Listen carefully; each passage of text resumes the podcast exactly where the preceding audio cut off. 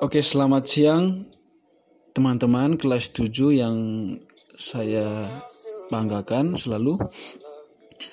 Oke, podcast pertama kali ini kita akan belajar bersama mengenai drama dan fragmen. Ya fragmen fragmen.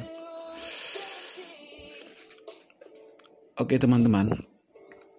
Fragmen adalah ya cuplikan petikan bagian atau pecahan dari sebuah drama atau cerita.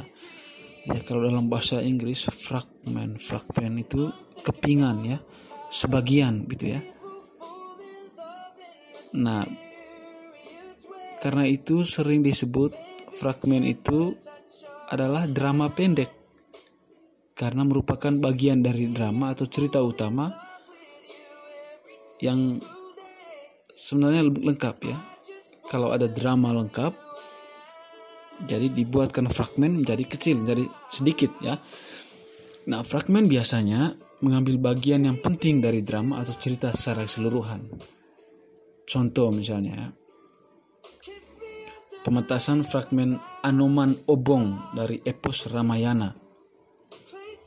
Atau ya ini yang sering kita dengar ya, fragmen karnaval dari Laskar Pelangi ya. Jadi keseluruhan cerita atau drama diambil hal-hal yang penting saja jadikan fragmen lalu dipentaskan gitu ya. Tetapi sebelum pementasan yang perlu disiapkan pertama adalah naskah ya. Naskah.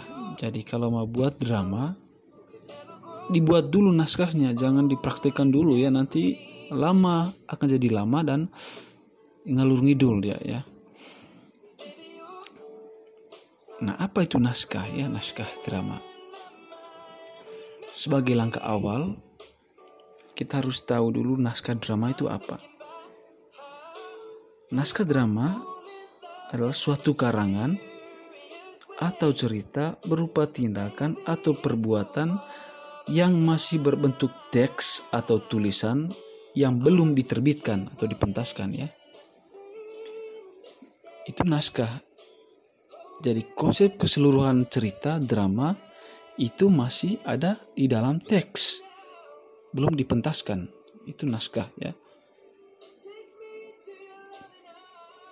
Nah, sebelum kita uh, melaju ke poin berikutnya, kita harus pahami dulu ya unsur dan struktur ya.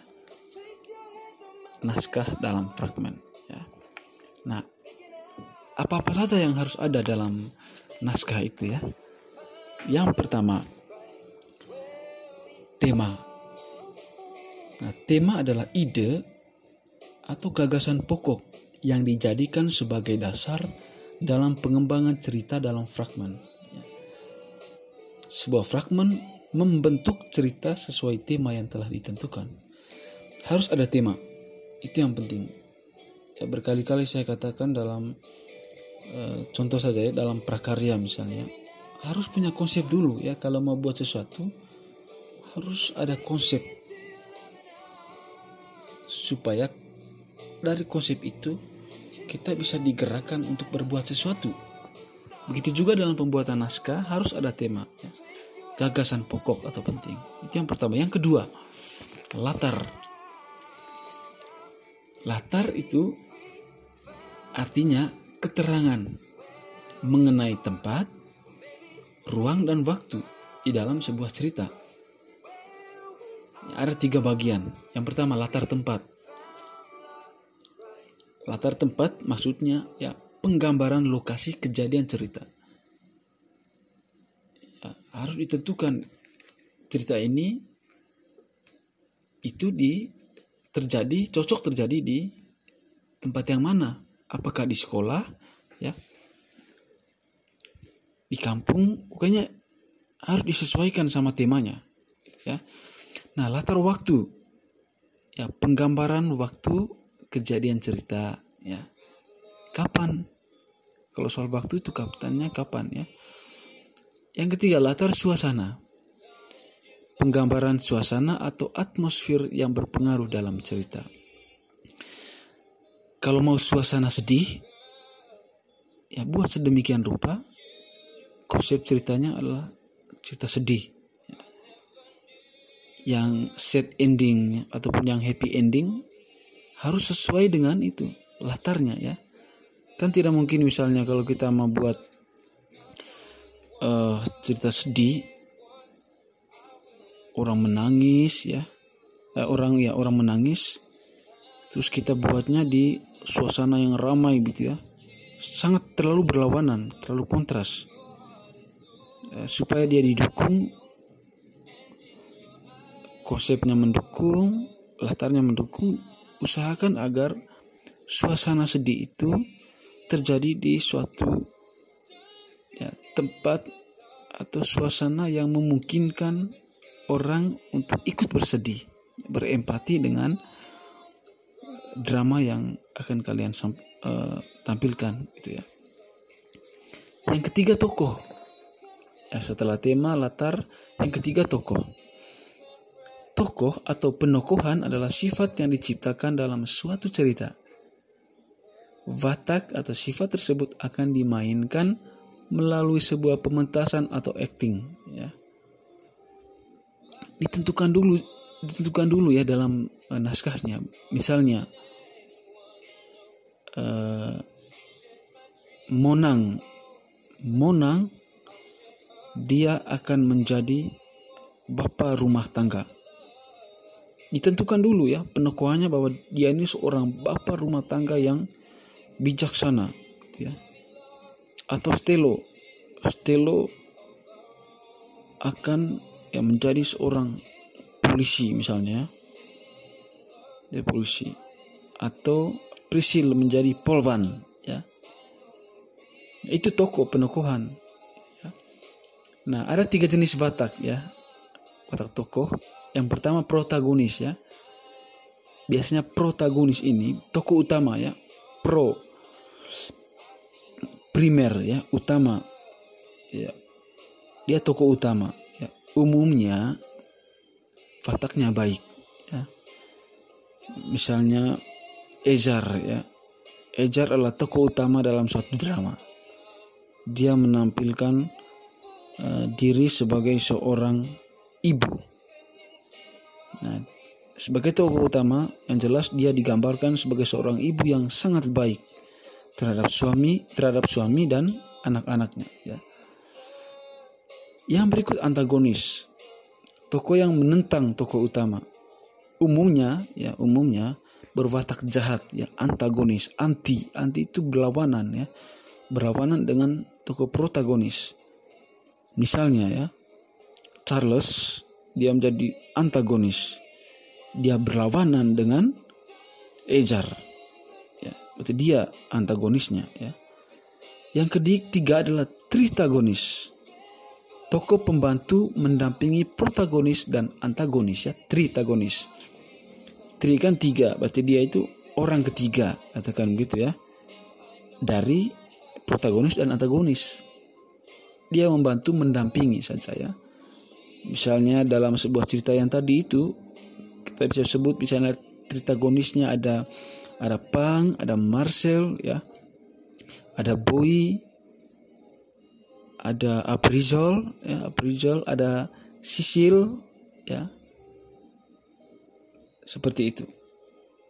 Yang keempat, ketika tadi tokoh yang keempat dialog, ya, dialog, ya, dialog adalah ucapan para tokoh, ucapan para tokoh. Nah, di naskah itu harus sudah tertera ya. Dialog misalnya dialognya Tiesco sama Prisil bagaimana ya. Itu ditulis dalam naskahnya ya.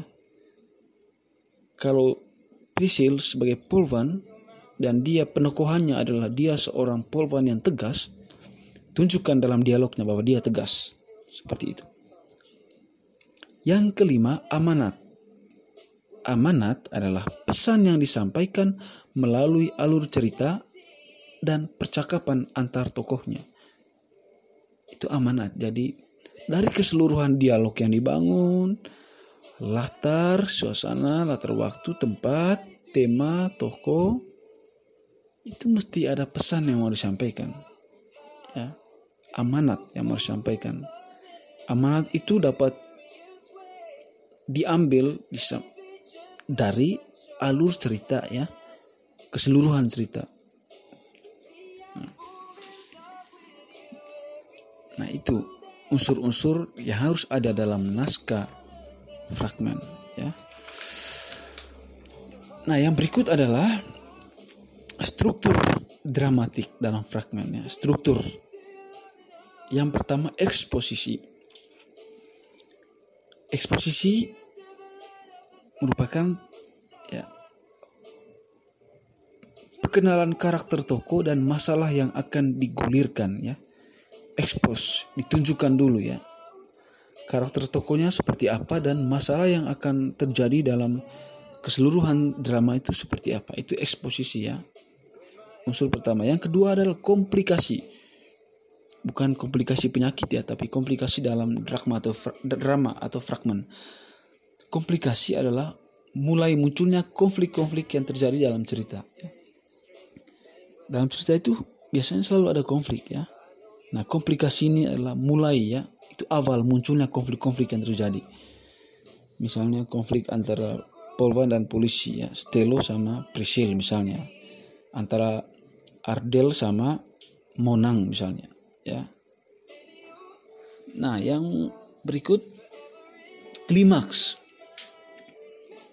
Klimaks adalah puncak dari permasalahan yang muncul di mana pada titik ini permasalahan akan terurai dan mendapatkan penjelasan melalui lakon karakter atau dialog antar tokoh. Jadi klimaks ya puncak itu puncaknya dari permasalahan yang muncul. Ya. Misalnya dalam cerita yang dibuat muncullah Kevin misalnya, ya, dia tampil sebagai tokoh ya yang hadir saat klimaks sebuah uh, drama ya. Puncak dari permasalahan ya. Yang keempat falling action ya. Falling action.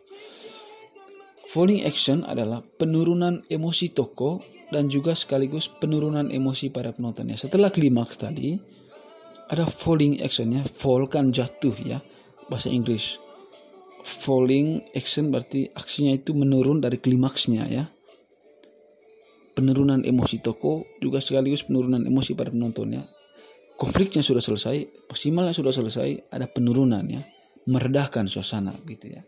Dan yang terakhir adalah ending ya, ending. Ending kita tahu ya, akhir cerita dalam pementasan fragmen. Ada tiga jenis ending. Yang pertama happy ending, ya akhir cerita yang bahagia. Atau sad ending yang kedua sad ending akhir cerita yang menyedihkan dan yang ketiga, ini yang jarang mungkin didengar ya, cliffhanger. Akhir cerita yang menggantung ya. Penonton menentukan akhir cerita sendiri. Jadi ending ceritanya menggantung dia apakah sedih, sedih juga enggak, bahagia juga enggak. Jadi menggantung. Nah penonton yang menentukan sendiri. Oh ini sedih, ini bahagia, happy ya. Cliffhanger ya, cliffhanger Oke teman-teman, itu struktur ya, struktur dramatik dalam fragmen. Nah, yang berikut teknik menyusun naskah fragmen ya, teknik menyusun. Yang pertama, yang harus adalah tadi itu ya, menentukan tema. Tema merupakan unsur yang sangat penting dalam penulisan naskah, baik itu puisi, prosa maupun drama ya yang kita bahas ini ya. Nah, tema juga merupakan gagasan pokok yang terkandung dalam drama. Dikembangkan tema ini dikembangkan melalui alur dramatik dengan dialog tokoh-tokohnya. Ya, yang pertama tadi tema. temanya akan menjadi kelihatan kalau dipraktekkan oleh tokoh-tokoh dalam alur sebuah cerita atau drama. Banyak tem, uh, tema ya biasanya ada tema misalnya tentang pendidikan, tentang moral, tentang agama, tentang apa saja ya, tentang apa saja.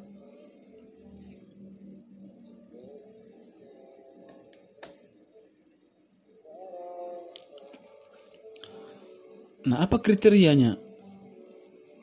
Yang pertama kriteria tema itu aktual ya. Arti aktual itu artinya ya kejadian yang benar-benar terjadi atau sesuai dengan kenyataan. Jadi kalau buat drama jangan ngarangnya jangan berlebihan. Artinya juga harus dikaitkan dengan kehidupan nyata gitu ya. Kita mendramatisasi peristiwa yang sering terjadi dalam kehidupan nyata ya. Sehingga orang yang menonton langsung connect gitu kan. Nah, yang kedua, tidak menyinggung sara ya. Tahu kan sara itu kependekan dari suku, agama, ras dan antar golongan ya. Jadi jangan sampai menyinggung sara. Itu yang penting supaya tidak menimbulkan persoalan bagi penonton atau siapa pun. Yang terakhir adalah harus memberi suatu pengajaran atau pendidikan bagi orang yang membaca ya. Untuk naskah itu harus orang orang yang membaca itu harus di merasa bahwa dia itu dididik oleh naskah yang kalian buat itu ya memberi pesan penting gitu ya. Nah setelah menentukan tema yang kedua adalah mendata satuan peristiwa. Nah mendata maksudnya begini. Uh, kita menentukan ya peristiwa paling mengesankan dalam hidup. Misalnya kalau di SMP ya kalian bisa temanya itu bullying ya. Itu kan aktual sekali ya. Kalian bisa membuat naskahnya dengan tema bullying bully ya saling membuli nah kalian mendata peristiwa-peristiwa yang terjadi di sekolah ya siapa yang sering di, uh, dibully siapa yang sering melakukan bully itu didata didata dan kalian uh, padukan dengan imajinasi kalian dan dituangkan dalam naskah Ya. Yang ketiga, menyusun sinopsis. Sinopsis itu kerangka ya, seperti ringkasan gitulah, ringkasan atau garis besar naskah. Naskah ya. Nah, kalian e, memberi ringkasan ya dari isi, isi naskah yang akan di, kalian tulis ya. Secara sederhana saja itu kan bukan naskah secara keseluruhan tapi hanya ringkasan gitu.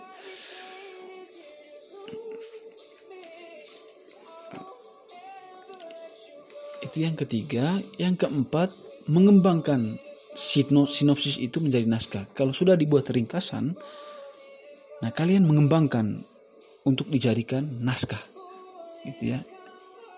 Sinopsis itu kalian biasanya itu ditulis-tulis dalam kertas kecil dulu ya, kerangka-kerangkanya, ringkasan-ringkasannya. Setelah itu baru masuk ke langkah empat, yaitu mengembangkan sinopsis itu untuk menjadi sebuah naskah lengkap. Ya. Nah, untuk menjadi sebuah naskah lengkap. Nah teman-teman semuanya kelas 7 uh, eh, itu saja yang perlu dipelajari ya tentang naskah fragmen ini ya. Sekali lagi sebagai rangkuman yang perlu diingat pertama adalah bahwa fragmen itu merupakan sebuah drama pendek itu aja ya. Drama singkat atau cuplikan. Yang kedua, naskah drama dapat diartikan suatu karangan atau cerita yang berupa tindakan atau perbuatan yang masih berbentuk teks ya atau tulisan yang belum diterbitkan jadi masih dalam bentuk naskah. Nah, unsur-unsur naskah dalam fragmen yaitu pertama tema, alur, tokoh, yang ketiga tokoh, latar, keempat dan yang terakhir amanat atau pesan. Ya. Nah, yang terakhir langkah-langkah dalam menyusun naskah fragmen antara lain yang pertama menentukan tema, yang kedua, menyusun sinopsis atau kerangka. Yang ketiga, mendata satuan peristiwa. Dan yang terakhir adalah mengembangkan sinopsis untuk menjadi sebuah nas naskah. Ya. Oke, kali ini demikian dari saya. Yang saya butuhkan adalah kalian belajar dan memahaminya. Kali ini tidak ada tugas, tapi saya minta kalian untuk mempelajari materi ini. Terima kasih teman-teman semuanya. Tetap jaga kesehatan, terus berdoa supaya kita bisa bertemu lagi di sekolah ini ya.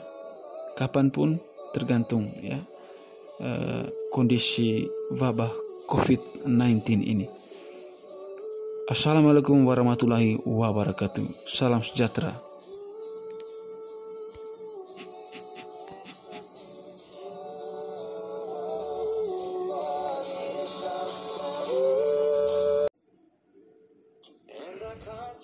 Oke, selamat siang teman-teman kelas 7 yang saya banggakan selalu. Oke, podcast pertama kali ini kita akan belajar bersama mengenai drama dan fragmen. Ya fragmen fragmen. Oke teman-teman. Fragmen adalah ya cuplikan petikan bagian atau pecahan dari sebuah drama atau cerita. Ya kalau dalam bahasa Inggris fragmen fragmen itu kepingan ya. Sebagian gitu ya. Nah karena itu sering disebut fragmen itu adalah drama pendek karena merupakan bagian dari drama atau cerita utama yang sebenarnya lengkap ya. Kalau ada drama lengkap jadi dibuatkan fragmen menjadi kecil, jadi sedikit ya. Nah, fragmen biasanya mengambil bagian yang penting dari drama atau cerita secara keseluruhan. Contoh misalnya, pementasan fragmen Anoman Obong dari epos Ramayana. Atau ya ini yang sering kita dengar ya, fragmen karnaval dari Laskar Pelangi ya. Jadi keseluruhan cerita atau drama diambil hal-hal yang penting saja jadikan fragmen lalu dipentaskan gitu ya. Tetapi sebelum pementasan yang perlu disiapkan pertama adalah naskah ya. Naskah. Jadi kalau mau buat drama dibuat dulu naskahnya, jangan dipraktekkan dulu ya nanti lama akan jadi lama dan ngalur ngidul dia ya. Nah, apa itu naskah ya, naskah drama? Sebagai langkah awal, kita harus tahu dulu naskah drama itu apa. Naskah drama adalah suatu karangan atau cerita berupa tindakan atau perbuatan yang masih berbentuk teks atau tulisan yang belum diterbitkan atau dipentaskan ya. Itu naskah jadi konsep keseluruhan cerita drama itu masih ada di dalam teks. Belum dipentaskan. Itu naskah ya.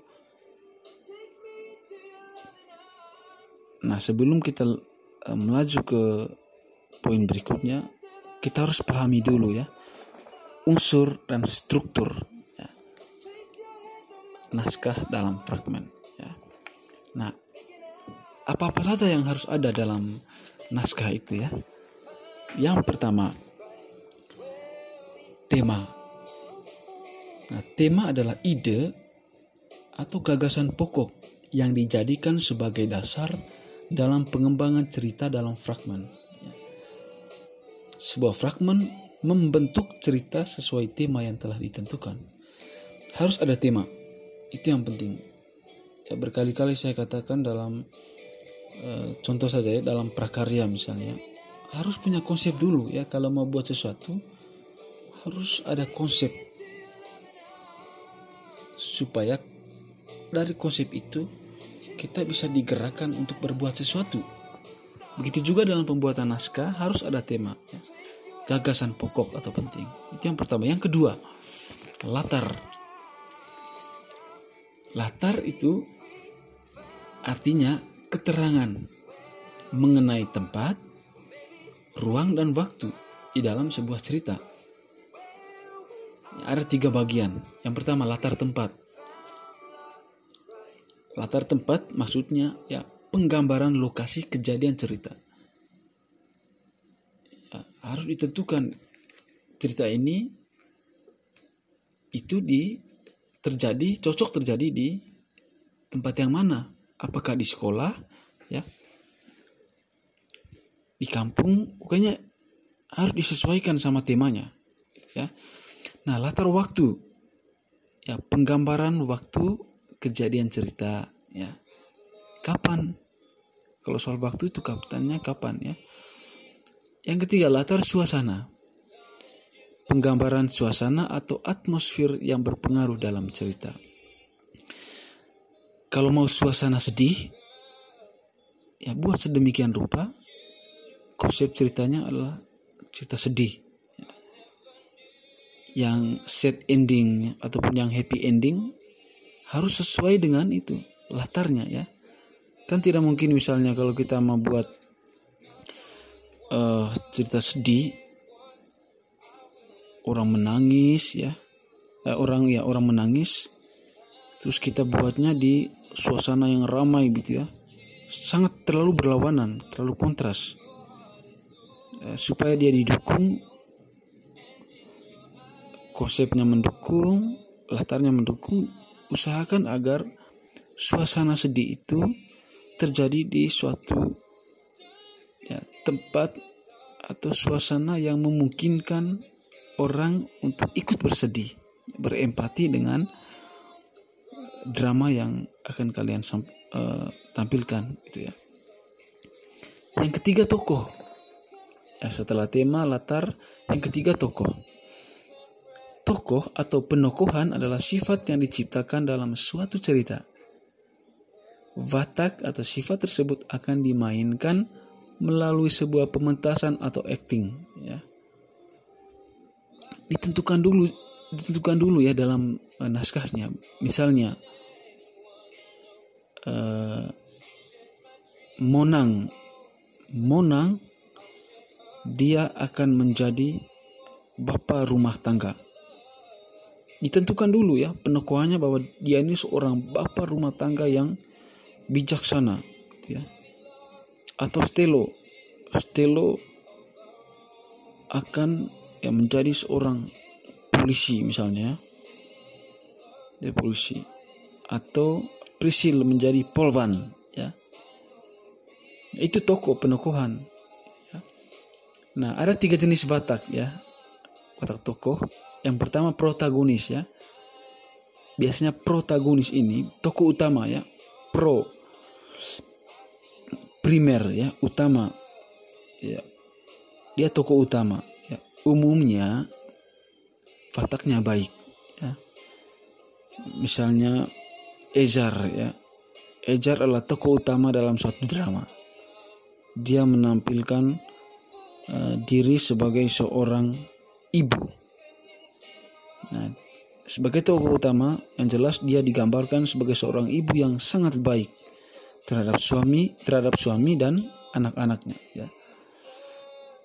Yang berikut antagonis. Tokoh yang menentang tokoh utama. Umumnya ya, umumnya berwatak jahat ya, antagonis, anti. Anti itu berlawanan ya. Berlawanan dengan tokoh protagonis. Misalnya ya, Charles dia menjadi antagonis. Dia berlawanan dengan Ejar. Berarti dia antagonisnya ya. Yang ketiga adalah tritagonis. Tokoh pembantu mendampingi protagonis dan antagonis ya. Tritagonis. Tri kan tiga berarti dia itu orang ketiga katakan gitu ya. Dari protagonis dan antagonis. Dia membantu mendampingi saja ya misalnya dalam sebuah cerita yang tadi itu kita bisa sebut misalnya tritagonisnya ada ada Pang ada Marcel ya. Ada Boy ada aprizol, ya, aprizol, ada sisil, ya, seperti itu. Yang keempat, ketika tadi tokoh yang keempat dialog, ya, dialog, ya, dialog adalah ucapan para tokoh, ucapan para tokoh. Nah, di naskah itu harus sudah tertera, ya, dialog misalnya dialognya Tiesko sama Prisil bagaimana ya. Itu ditulis dalam naskahnya ya. Kalau Prisil sebagai polvan dan dia penokohannya adalah dia seorang polvan yang tegas tunjukkan dalam dialognya bahwa dia tegas. Seperti itu. Yang kelima amanat amanat adalah pesan yang disampaikan melalui alur cerita dan percakapan antar tokohnya. Itu amanat. Jadi dari keseluruhan dialog yang dibangun, latar, suasana, latar waktu, tempat, tema, tokoh, itu mesti ada pesan yang mau disampaikan. Ya. Amanat yang mau disampaikan. Amanat itu dapat diambil dari alur cerita ya keseluruhan cerita Nah itu unsur-unsur yang harus ada dalam naskah fragmen ya. Nah yang berikut adalah struktur dramatik dalam fragmennya. Struktur yang pertama eksposisi. Eksposisi merupakan ya perkenalan karakter tokoh dan masalah yang akan digulirkan ya expose, ditunjukkan dulu ya. Karakter tokohnya seperti apa dan masalah yang akan terjadi dalam keseluruhan drama itu seperti apa. Itu eksposisi ya. Unsur pertama. Yang kedua adalah komplikasi. Bukan komplikasi penyakit ya, tapi komplikasi dalam drama atau drama atau fragmen. Komplikasi adalah mulai munculnya konflik-konflik yang terjadi dalam cerita. Ya. Dalam cerita itu biasanya selalu ada konflik ya Nah, komplikasi ini adalah mulai ya, itu awal munculnya konflik-konflik yang terjadi. Misalnya konflik antara Polvan dan polisi ya, Stelo sama Prisil misalnya. Antara Ardel sama Monang misalnya, ya. Nah, yang berikut klimaks. Klimaks adalah puncak dari permasalahan yang muncul di mana pada titik ini permasalahan akan terurai dan mendapatkan penjelasan melalui lakon karakter atau dialog antar tokoh. Jadi klimaks ya puncak itu puncaknya dari permasalahan yang muncul. Ya. Misalnya dalam cerita yang dibuat muncullah Kevin misalnya, ya, dia tampil sebagai tokoh ya yang hadir saat klimaks sebuah uh, drama ya. Puncak dari permasalahan ya. Yang keempat falling action ya. Falling action. Falling action adalah penurunan emosi tokoh dan juga sekaligus penurunan emosi para penontonnya setelah klimaks tadi ada falling actionnya fall kan jatuh ya. Bahasa Inggris falling action berarti aksinya itu menurun dari klimaksnya ya penurunan emosi toko juga sekaligus penurunan emosi para penontonnya. Konfliknya sudah selesai, maksimalnya sudah selesai, ada penurunan ya, meredahkan suasana gitu ya. Dan yang terakhir adalah ending ya, ending. Ending kita tahu ya, akhir cerita dalam pementasan fragmen.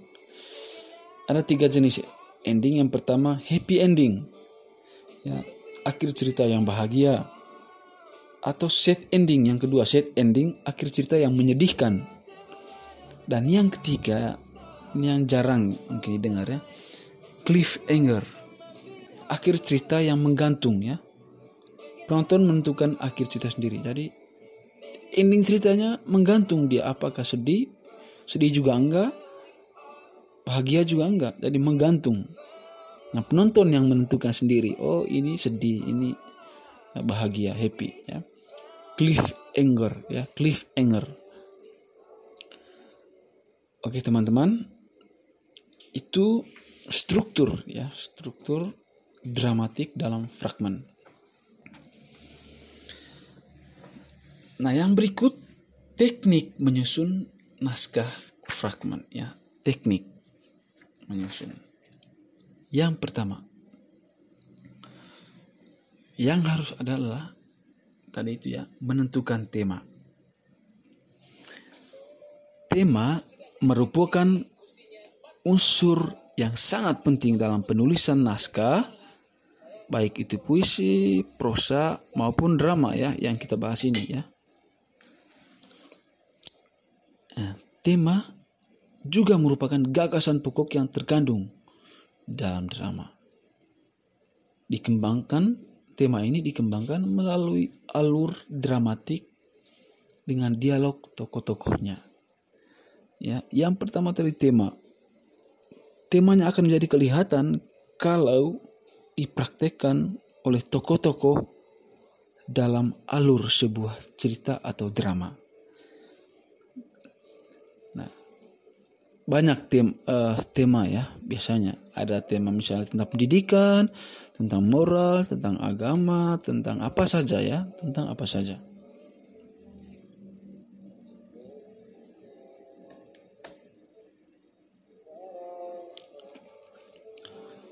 Nah, apa kriterianya? Yang pertama kriteria tema itu aktual ya.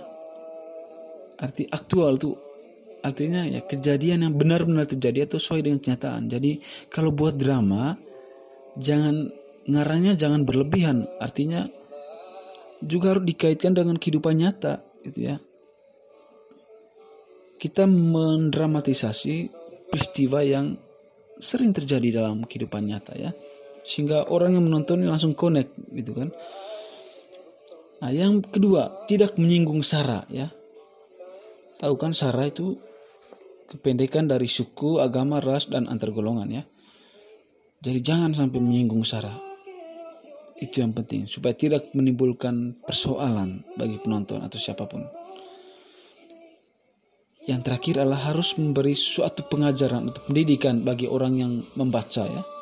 Untuk naskah itu harus orang orang yang membaca itu harus di merasa bahwa dia itu dididik oleh naskah yang kalian buat itu ya. Memberi pesan penting gitu ya. Nah setelah menentukan tema yang kedua adalah mendata satuan peristiwa. Nah mendata maksudnya begini. Uh, kita menentukan ya peristiwa paling mengesankan dalam hidup. Misalnya kalau di SMP ya kalian bisa temanya itu bullying ya. Itu kan aktual sekali ya. Kalian bisa membuat naskahnya dengan tema bullying bully ya saling membuli nah kalian mendata peristiwa-peristiwa yang terjadi di sekolah ya siapa yang sering di, uh, dibully siapa yang sering melakukan bully itu didata didata dan kalian uh, padukan dengan imajinasi kalian dan dituangkan dalam naskah. Ya. Yang ketiga, menyusun sinopsis. Sinopsis itu kerangka ya, seperti ringkasan gitulah, ringkasan atau garis besar naskah. Naskah ya. Nah, kalian uh, memberi ringkasan ya dari isi, isi naskah yang akan di, kalian tulis ya. Secara sederhana saja itu kan bukan naskah secara keseluruhan tapi hanya ringkasan gitu.